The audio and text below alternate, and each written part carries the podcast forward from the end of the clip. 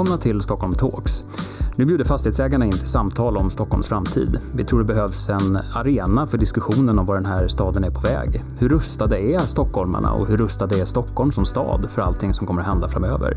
Vilka är våra möjligheter och utmaningar? Och inte minst, vad gör stockholmarna glada? Vad gör att våra besökare vill återvända? Du är välkommen att lyssna, men du är också precis lika välkommen att delta i det samtalet som alla stockholmare behöver vara med i.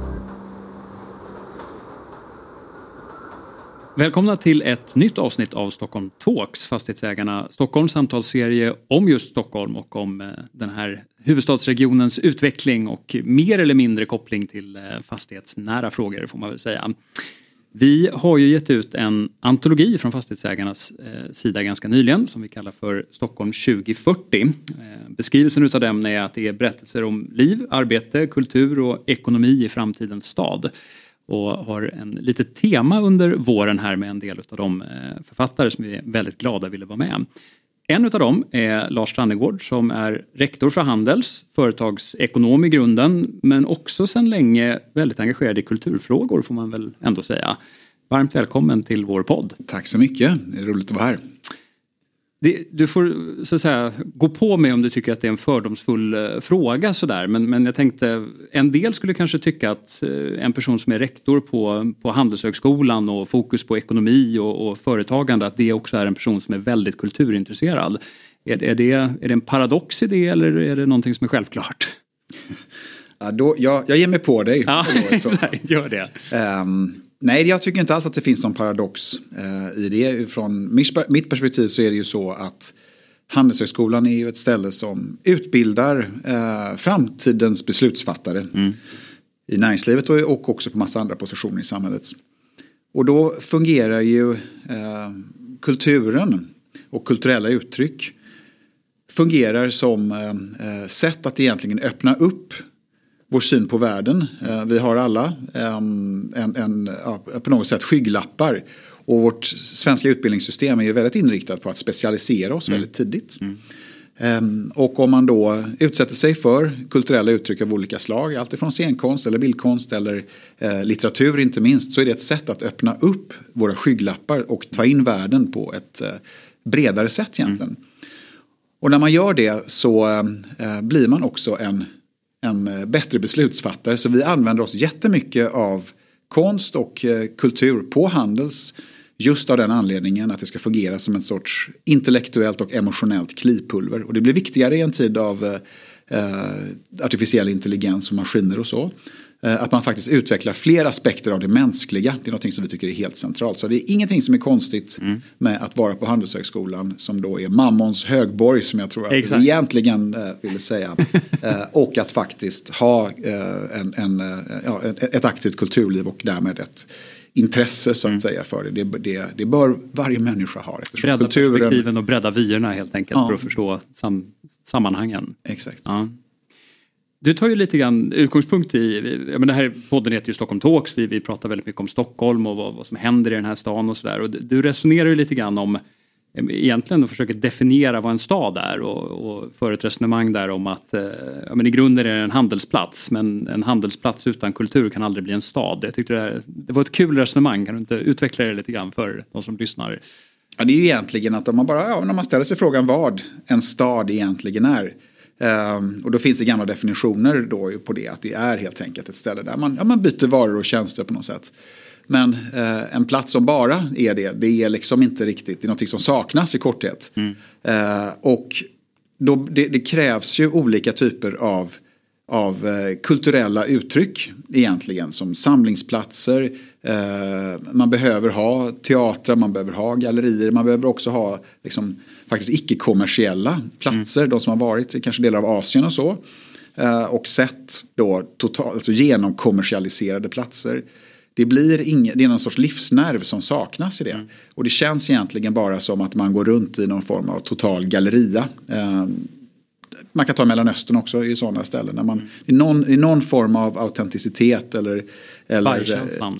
Ja, just det. Precis. Mm. Uh, och, och, det är någonting som uh, ja, helt enkelt saknas i det som, som verkligen definierar uh, en stad, tycker mm. jag. Vilka är dina liksom, favorit icke-kommersiella platser i, i Stockholm?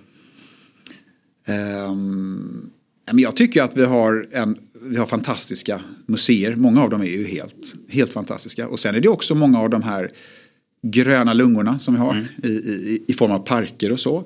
Eh, är ju också helt centrala. Och sen också eh, alla de här mötesplatserna som på något sätt är, eh, eh, visst de kan vara kringgärdade av kommersiella aktörer. Men ändå att det är liksom folkets eh, platser på något mm. sätt. Mm.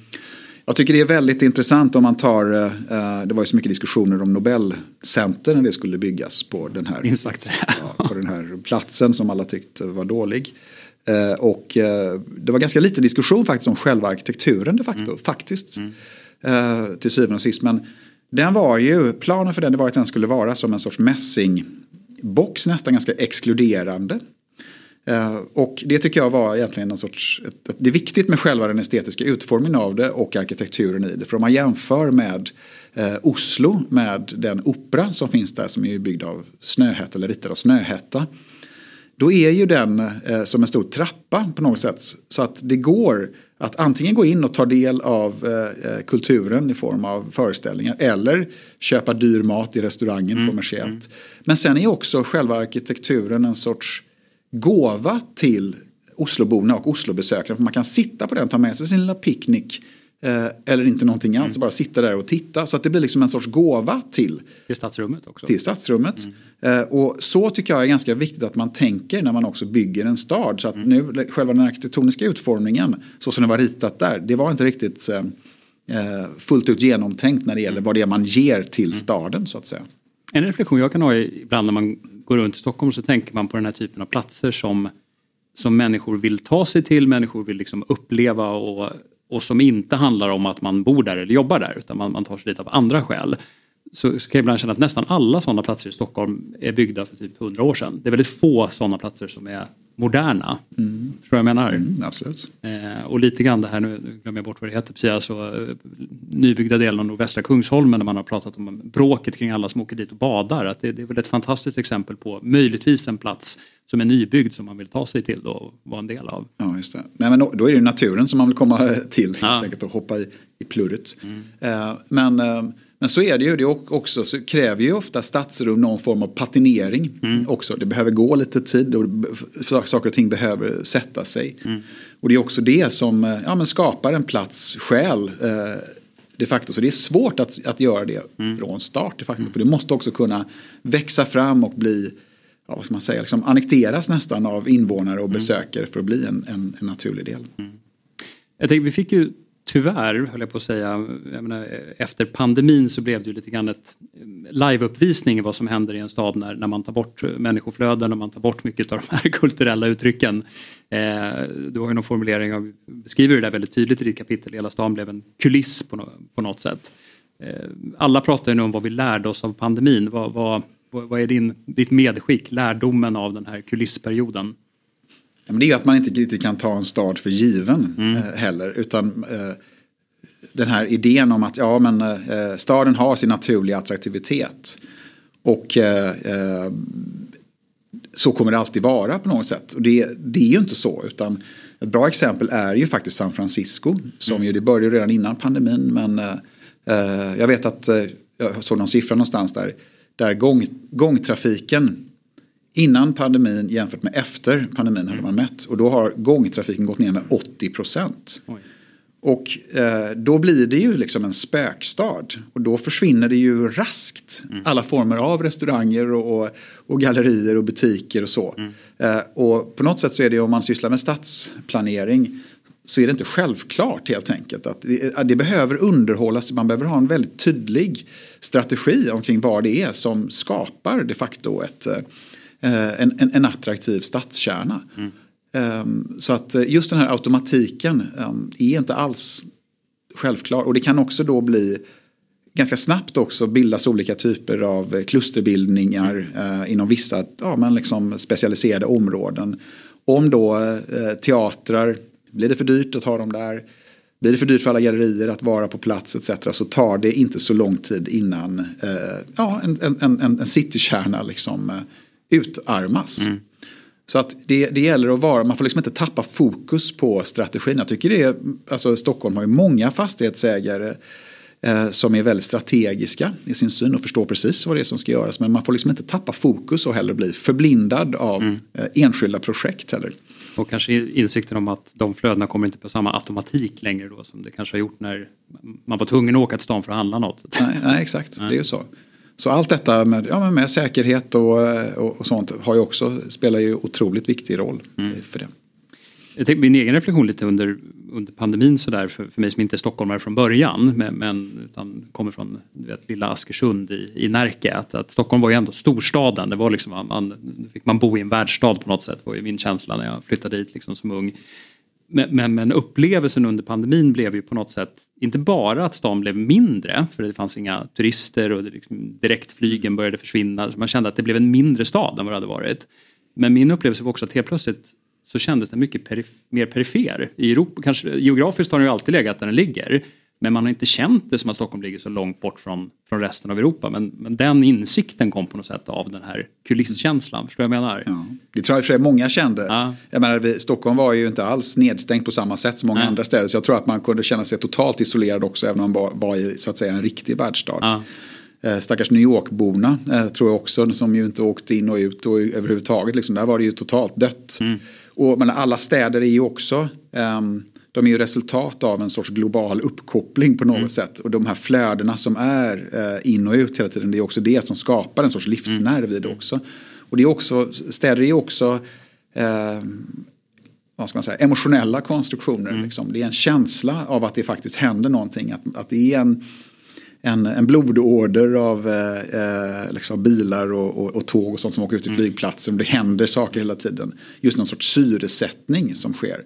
Eh, så det var ju det som uppstod under pandemin. Det var ju på något sätt att allt bara blodflödet stoppades på något mm. sätt mm. I, i, i, allt. Och då drabbas man av den här ganska hisnande eh, känslan av övergivenhet. Mm, verkligen.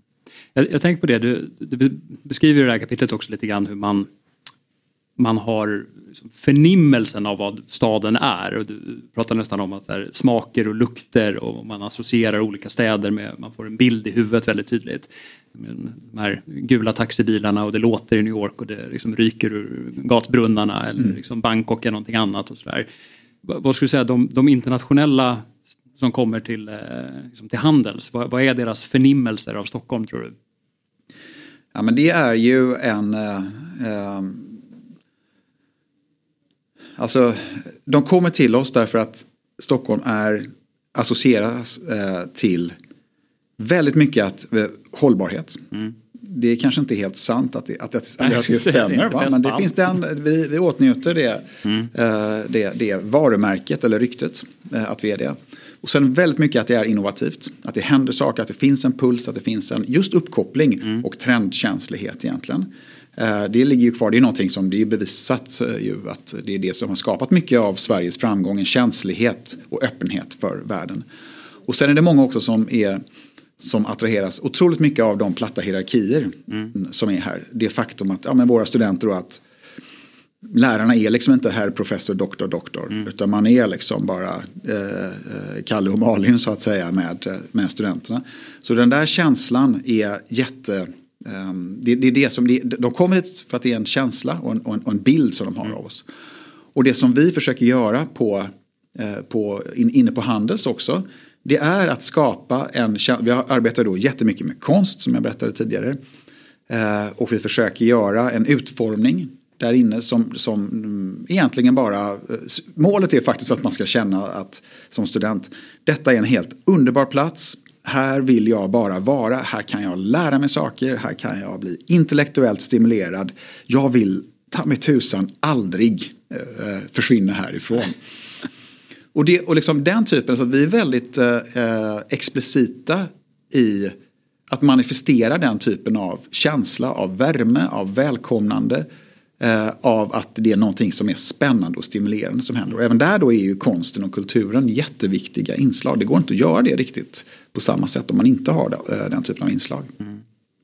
Vad tror du, om man tänker det här med när man pratar om vad, vad, vad händer, delvis efter pandemin och liksom den här omvändlingen av våra städer som vi pratar mycket om. Det är ju bara att gå runt på stan och konstatera att eh, bottenvåningslivet består numera väldigt mycket mer av saker som inte går att göra online. Liksom. Det, det är, eh, Nagelspa och så. Ja, nagelspa och det är liksom frisörer och det är kaféer och liksom den, den, den typen av... Eh, och många av de där trenderna om man ska vara ärlig fanns ju redan innan pandemin. Det blev ju bara liksom, turbofart på det eh, i, i delar utav det det jag funderar på när man, när man då jämför som du gjorde med San Francisco och man pratar om de här stora omvandlingarna. Vad, vad blir Stockholm som ändå är en blandstad? Tror att jag har fel med säga så här att det borde ge oss bättre förutsättningar att ha en stad där det finns både boende och liksom ett kommersiellt centrum jämfört med nidbilden av amerikanska storstäder som är kontorsskyskrapor, då, då är det någonting annat. Nej visst, det är ju, hela Stockholm kan ju vara som Vällingby, liksom ABC. ja, ja, i någon mening. Ja, och eh, absolut. Men då, det, alltså man skulle ju kunna tänka sig om man, eh, ja, att man liksom verkligen är totalstrategisk. Mm. Och tänker över hur hyror egentligen ska se ut. Att, så att man får eh, ateljéer till exempel för konstnärer. Man kan tänka sig att man då har eh, ja, visningsplatser. Mm. Ställen där man, där man, eh, alltså gallerier eller, eh, eller eh, ja, showrooms till exempel. Så att man liksom eller teatrar till exempel som ju har jättesvårt att klara sig såklart mm. nu. Faktiskt idag hälsade på en, en, eh, en teaterdirektör som berättar hur jättehårt det är. Mm. Och liksom hur hyrorna egentligen då trycker ut. Och det är klart att jag menar, försvinner en, en teater eller två eller tre, det är ett och tre så har du liksom en helt annan typ av dynamik mm. i, i, en stad liksom. Så att alla de här sakerna, man bör ju vara väldigt strategiskt tror jag säga, det här är superviktigt. Mm. För inte bara en fastighetsägare utan för staden som helhet eller en, eller en stadsdel och så. Och jag tror att man kan vara väldigt mycket mer differentierad egentligen i sättet som man arbetar med den typen av frågor. Det görs ju naturligtvis, mm. men frågan är om det görs tillräckligt strategiskt eller om det är liksom lite här och där istället. Man skulle kunna föreställa sig en totalstrategi för staden för det. Mm. För att skapa en superdynamisk och spännande eh, plats. Mm. Och där är det väl också, jag tänker, men det är klart, stora fastighetsägare som själva kan på något sätt påverka upplevelsen av gaturummet i det kvarteret. Och så det, det, det, är ju en sak. Sen i, inte minst i den här stan, i de centrala delarna, så är det ju väldigt mycket bostadsrättsföreningar. Mm. Hur kan man få till att eh, någon sorts Precis. samverkan utifrån ett gaturum, uthyrningspolicy och vad, vad, vill man att det ska bli. Så det, det, är ju inte helt enkelt men Nej. spännande att, att, jobba med. Nej. Men det finns ju också väldigt mycket att göra tycker jag i, eh, i Stockholm. Allt ifrån eh, jag tycker fortfarande att vattnet är helt underutnyttjat. Mm. Det finns ju, jag menar, det skulle kunna finnas betydligt flera badplatser mm. till exempel. Så att man verkligen också gör det till en, bara exemplet som du tog nu på Kungsholmen när man åker ut och badar och blir mm. utskälld. Mm. Um, hela, liksom, hela Djurgården skulle kunna bli mycket mer av det till exempel. Uh, jag tycker också det här just på Blasieholmen, va? Uh, ja, just det. Där det här Nobelcentret till exempel låg. Där skulle man kunna tänka sig att man gör mycket mer av en en eh, liksom, kulinarisk samlingsplats. Med, eh, ja, men typ som det här Gansevoort Market eller uh, Borough Market som finns i London till exempel. Öppet, uh, mycket mer bastling på något mm. sätt. Det, skulle man, det, det, saknas ju till exempel rätt mycket i, i Stockholms innerstad. Uh, den typen av lite mera ruffa mm. Uh, mm. miljöer som också skapar kontrastverkan på något sätt. Det känns ju väldigt konceptuellt mm. ofta och väldigt väl genomtänkt. Det skulle vara kul med eh, mer av experimentplatser som kan få växa till någonting. Eh, ja, och man, man, man inte riktigt vet vad det blir helt enkelt. Det faktum att de saknas i rätt stor utsträckning, tror du att det i huvudsak beror på att idéerna saknas eller för att vi har krångliga regelverk för att få göra det? Eller vad, vad, är, vad är skälet till att det inte kommer? Det finns ju, eh, det låter ju förmätet att säga att det är idéerna som saknas, det är klart att, men det är nog det ändå. Och också ja, på något sätt, man behöver inte tänka allting så himla permanent heller. Man mm. kan göra saker temporärt mm. och testa saker under en kortare eh, tid. Och eh, vara mer experimentell tycker mm. jag. Eh, faktiskt. Och inte säga att allting är för alltid. För allting som handlar om fastigheter är ju till sin natur så jättelångsiktigt. Men det går ju att tänka vissa platser mer kortsiktigt. Mm. Det ser man ju liksom hur det experimenteras med gaturummet och, eh, och så. Liksom, över, ja, ja, men liksom det, det, vissa, det blir gågator under, eh, under vissa mm. säsonger och sånt där. Det går ju att tänka sig att fler platser blir sådana också.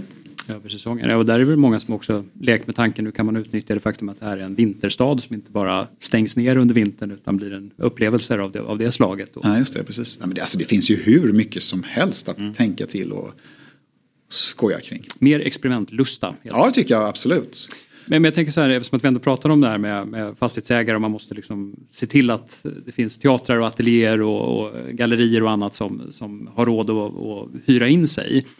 Samtidigt skriver du i ditt kapitel så här att man ska inte tro att man gör det här för att det är bra för ekonomin utan kulturen har en plats av sitt eget värde.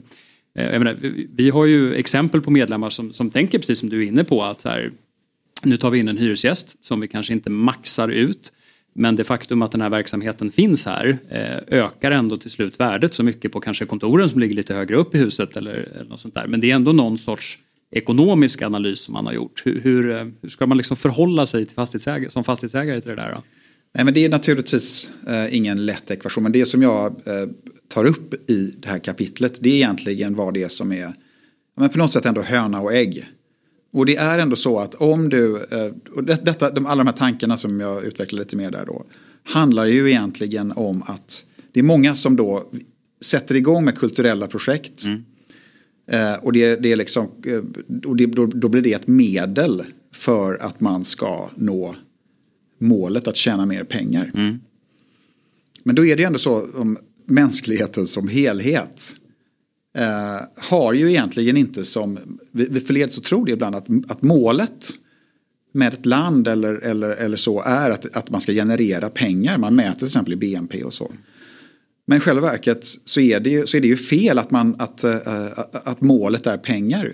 Utan pengar är ju de facto ett medel för någonting. Och då är frågan vad det är ett medel för. Ja, då är det ju ett medel för, för oss alla. Att leva ett mer meningsfullt liv, ett, ett innehållsrikt liv, ett kärleksfullt liv mm. eh, eller så. Och ganska mycket av det som kulturen faktiskt tillhandahåller eller ger. Mm. Och då är det liksom, om man istället hade tänkt att man, okay, nu ska vi se till att skapa så mycket kultur som möjligt. Målet är kultur och sen så använder vi så att säga medel för det. Då blir det en typ av resultat av det. Och, och om man istället säger att vi börjar med kultur för att vi ska tjäna pengar på andra saker. Mm. Då skapar man liksom en annan typ av, eh, av värden kan man egentligen säga. Och självklart är du en kommersiell aktör så måste man ju tänka på, på eh, att målet är, är pengar så att säga. Men är man, är man människa så bör man tänka på det andra sättet egentligen. Mm. Och saken är att om man väl börjar fokusera på att man ska göra någonting som attraherar pengar då blir kulturen ofta av ganska låg kvalitet. Det är liksom det som är kitsch egentligen. Dålig kvalitet det är att du gör konst för att den ska, Dag Vag säljer, den som gör musik för att sälja kommer tyna bort. Mm, exakt. Men det är ju liksom, det är ju det det är, det blir, dålig, det blir lägre kvalitet av det. Men om man istället bara skulle säga nu ska vi satsa på att det bara ska skapas högkvalitativ kultur här. Mm. Och bara tänka på det och sen får man se. Om man, hade, om man hade gjort det experimentet, det skulle bli väldigt spännande att se vilket resultat det är. Jag är övertygad om att det ändå blir effekten så att mm, säga. Mm, ändå ja. Ändå, ja. Mm. Men eh, drivkraften ska inte vara den. Och, och, och, och, man skulle nästan kunna vilja göra ett eh, kontrollerat experiment och se mm. vilken av de här som egentligen skapar mest högkvalitativ mm. konst eh, eller kultur. Och vad det är som genererar mest mm. pengar. Men jag tycker bara att det är viktigt att hålla isär de här två sakerna. Och ibland tror jag att man kommer längre i att skapa attraktiva miljöer som människor verkligen vill vara i. Genom att inte tänka pengar utan istället tänka eh, kvalitet och det som verkligen människor vill ha. Och upplevelsen av staden. Upplevelsen av det. Och då blir liksom, det jättesvårt som enskild kommersiell aktör, inte minst om man är aktieägare mm. och så. Det förstår jag också, jag är på Handelshögskolan. Mm. Men jag, eh, jag, jag, tror att det kommer bli en väsensskild kvalitetsskillnad. Mm. Det är inte pengar som är målet, säger rektorn på Handelshögskolan. Ja, precis. Ja. Nej, men så är det. Att, nej, men, utan jag säger att eh, eh, alltså, pengar är alltid medel för någonting annat. Och då gäller det att man ska ha klart för sig vad målet är. Mm. Finns det, om, man tänker så här, man skulle vilja kontrollerade experiment säger om man, om man blickar ut lite grann över andra, ja, men kanske huvudstäder i Europa och så här, finns, finns det några, kan vi lära någonting av något annat? Har man eh, lyckats bättre någon annanstans? Är vi för mycket så här ingenjörstyper i Sverige som bara eh, rationellt ska bygga en stad och sen är vi klara? Liksom?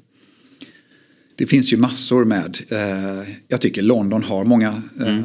spännande sätt att, eh, att just experimentera på lite eh, liksom, ja, men ta vissa, vissa områden och eh, eh, försöka göra någonting som inte riktigt är helt bestämt. Mm. Jag tycker mig se i alla fall en mer experimentlusta av det. New York hade väl mer av det. Det, det, det tror jag har försvunnit ganska mycket. Den staden har ju förändrats mm. enormt mm. Eh, bara den sista tiden. Det luktar annorlunda eh, sen, sen eh, eh marijuana um, ja. liksom, legaliserades där. En helt annan, staden har en helt annan känsla. Mm. Eh, tryggheten ser annorlunda ut och så. Så det går rätt snabbt även att förändras där. Mm. Men jag, jag, tycker London har någonting som är, sen finns det ju liksom många europeiska städer som också har väldigt mycket spännande. Amsterdam spännande, mm. det finns eh, alltså, i vissa schweiziska städer också mm. lite roliga mm. saker som händer. Och jag tycker egentligen att, eh, eh, att Stockholm har väldigt goda möjligheter. Det finns en, eh, det finns en, en, en, tycker jag mig se i alla fall, en samarbetsvilja och en riktig också förändringslusta, så som, så som Sverige har generellt. Att man mm. vill göra annorlunda, man vill göra bättre mm. och man vill göra coola och spännande saker. Mm. Liksom. Och sen finns det väl apropå hur, hur sammansättningen förändras eller hur stadsrummet på något sätt förändras över, över tid. Jag tycker det är intressant det här med kultur. Vad är då kultur i stadsrummet? Jag bara konstaterar det om man tittar på sådana här mätningar som vi och andra gör med, med vad är besöksskälet till att, att komma in till stan så, så har ju det väldigt, väldigt fort förändrats. Så att från att ha varit en absolut majoritet som, ja, men man åker till syvende och sist in till stadskärnan för att handla någonting. Det var liksom besöksskälet. Till att på inom loppet av, redan innan pandemin egentligen, blivit en majoritet snarare för att man åker dit för att uppleva någonting. Mm. Då är man ju ändå på den här rörelsen som du, du beskriver. Exakt. Det jag bara funderar på, var, var vad drar vi då de där gränserna? Det, är klart, det, finns ju det uppenbara som du också skriver om här med de sköna konsterna. Liksom. Vi, vi går på konsert och teater opera eller på bibliotek eller liksom vad det nu kan vara. Och, och, nästa cirkel är väl på något sätt så här, ja det är klart det är en del av kultur. Vi går och ser en fotbollsmatch eller vi eh, går och äter en, en god mat, en god bit mat någonstans. Var är den här, när blir det om, om jag var på väg till jobbet, går in på Espresso och tar en kaffe, är en del i den här resan också mot mer av en upplevelsebaserad stad? Eller vad? Jo det är det ju med tanke på vad en kaffe kostar. Ja, exakt, pulsen höjs om inte annat. Liksom. um, nej men så är, så är det ju. Uh, alltså, um, man är, shopping uh, sker ju i mycket högre utsträckning såklart på, mm. uh, på nätet idag. Men det, vi, har, vi är ju långt ifrån eh, stabiliserat och vet hur köpmönstren mm. till exempel ser ut. Det är ju långt borta ifrån heller att man bara går dit och får upplevelsen. Men det är väldigt också eh, gammeldags mm. eh, köp och sälj så att säga. Men eh, det är ju ändå så att en, ju mer en stad kan stimulera ens sinnen. Mm. Eh, allt ifrån syn till hörsel till lukt till känslor och så det är det som ändå gör den attraktiv. Liksom, att du kan ändå, också då kontrastverkan. Eh, och då är det liksom om allt ser likadant ut, det kan man bara föreställa sig det, då blir det väldigt tråkigt. Och ju mer olika typer av ja, men faktiskt upplevelser som mm. det är, desto bättre är det. Och, om, och eh, då blir ju kaffet så att säga en, ett led i det, men om det bara är espresso houses mm. överallt. Mm. Eh, då minskar din, eh, liksom den, den sinnliga retning som du får. Liksom. Ja, mycket spännande. Jag tror att det är, eh, men generellt så är också som vanligt i nästan alla samhälleliga frågor så är ju eh, mångfald svaret på nästan alla frågor. Nästan, ja. eh, och det gäller ju eh, inte minst då i, i stadsutveckling. Mm. Du skriver ju samtidigt i det här kapitlet också med, med, att nu låter det som att alla håller ju med om det här, om man, särskilt med de liksom, vackra formuleringar du har om liksom, lukter och dofter i smaken och, eh, eller i, i stadsrummet. Men, men det här att väldigt få offentliga aktörer och som du skriver egentligen inga politiker bryr sig speciellt mycket om kulturella och kreativa näringar. Är det, vad, vad beror det på då? Det kanske är det här att eh, det var ju för några år sedan så var det ju mer eh, ja, men liksom på, på den politiska agendan att ens tala om, om, om kultur och kreativa näringar. Det är liksom inte riktigt um, ja, politiskt opportunt så att mm. säga att göra det mm. längre. Vi, vi, eh, Sverige är jättedåliga på att söka EU bidrag till exempel. Mm. Från, eh, framförallt inom forskningen för den typen av, eh, av studier. Så att man har liksom inte riktigt kvar, det är nästan så att man inte riktigt, man ser helt enkelt inte riktigt vilken enorm kraft som eh, ja, men liksom det emotionella och mm. estetiska de facto har. Och vi har gjort det, det är lite roligt ändå att se hur vi har arbetat på Handels där det är en vetenskapligt baserad institution och vi har aldrig satsat mer på forskning än vad vi har gjort tidigare. Eller, än, än, vad, vi gör, än vad vi gör nu. Eh, och samtidigt så har vi också satsat enormt mycket på den estetiska utformningen. Och också den estetiska kommunikationen. Vad det är du upplever när du kommer dit. Vad det är vi vill säga. Och ju mer man gör det desto mer eh, engagemang mm. väcker man också. Och ju fler eh, intressenter visar sig vara intresserade av det därför att det är någonting som slår an hos en. Mm. Och allt det där är ju liksom, vissa företag är ju väldigt bra på, eh, på det och andra har liksom inte tänkt igenom det tillräckligt mycket. Och vissa städer har tänkt på det jättemycket och andra har gjort det mindre mm. helt enkelt. Alltså, eh, ja, jag menar, ta Venedig, de förstår ju det. Mm. Och eh, eh, många italienska städer förstår mm. det också. Men det, på något sätt är det liksom var, ja, man måste ju ha, man måste vara strategisk, man måste få in en, eh, just ett, ett, ett, ett, emotionellt angreppssätt och ett estetiskt angreppssätt. Och att förstå den verksamhet som man själv är satt att bedriva. Mm. För alla verksamheter har det. Men det är alltid, skulle jag nästan säga, underanalyserat vilken effekt det har. Mm. Mycket spännande samtal och det känns som att det, det blir både lärdomar för eh, stadens fastighetsägare, inte minst för staden som liksom, eh, ska vi säga, offentlig aktör och liksom den samverkan och, och funkar bättre. Men, men eh, jag tänker lite grann kanske också ett mod hos stockholmare att man, man också välkomnar att det händer nya spännande saker. För mm. Ibland känns det också som att vi har en tendens att Ja, det är bra kanske att det skapas friktion men apropå Nobel och annat oavsett vad man hade för åsikt i den frågan att det blir så mycket friktion att vi inte vågar göra så mycket spännande nya saker. Mm. Hur kommer vi till rätta med det? Ja, alltså um, um, jag tror ändå att man, att man eh, på något sätt ändå talar om vikten av experimenterande eh, som, jag, som jag var inne på in, eh, tidigare. Och att man också är mer prövande och inte ser allting som permanent. Utan det går ändå att göra temporära tester och se hur de landar. Det ligger liksom implicit i det där. Va? Att, vara, att inte sätta allting från början utan faktiskt vara mer uh, temporär och mm. experimentell. Mm. Lars, jättespännande att få prata med dig idag. Om vi ska sammanfatta det här samtalet kan man konstatera mer utav experimenterande, mer av en prövande attityd och att öppna våra sinnen och pengar är inte allt. Snyggt! Ungefär så. Stort tack för att du ville vara med. Tusen tack för att jag fick.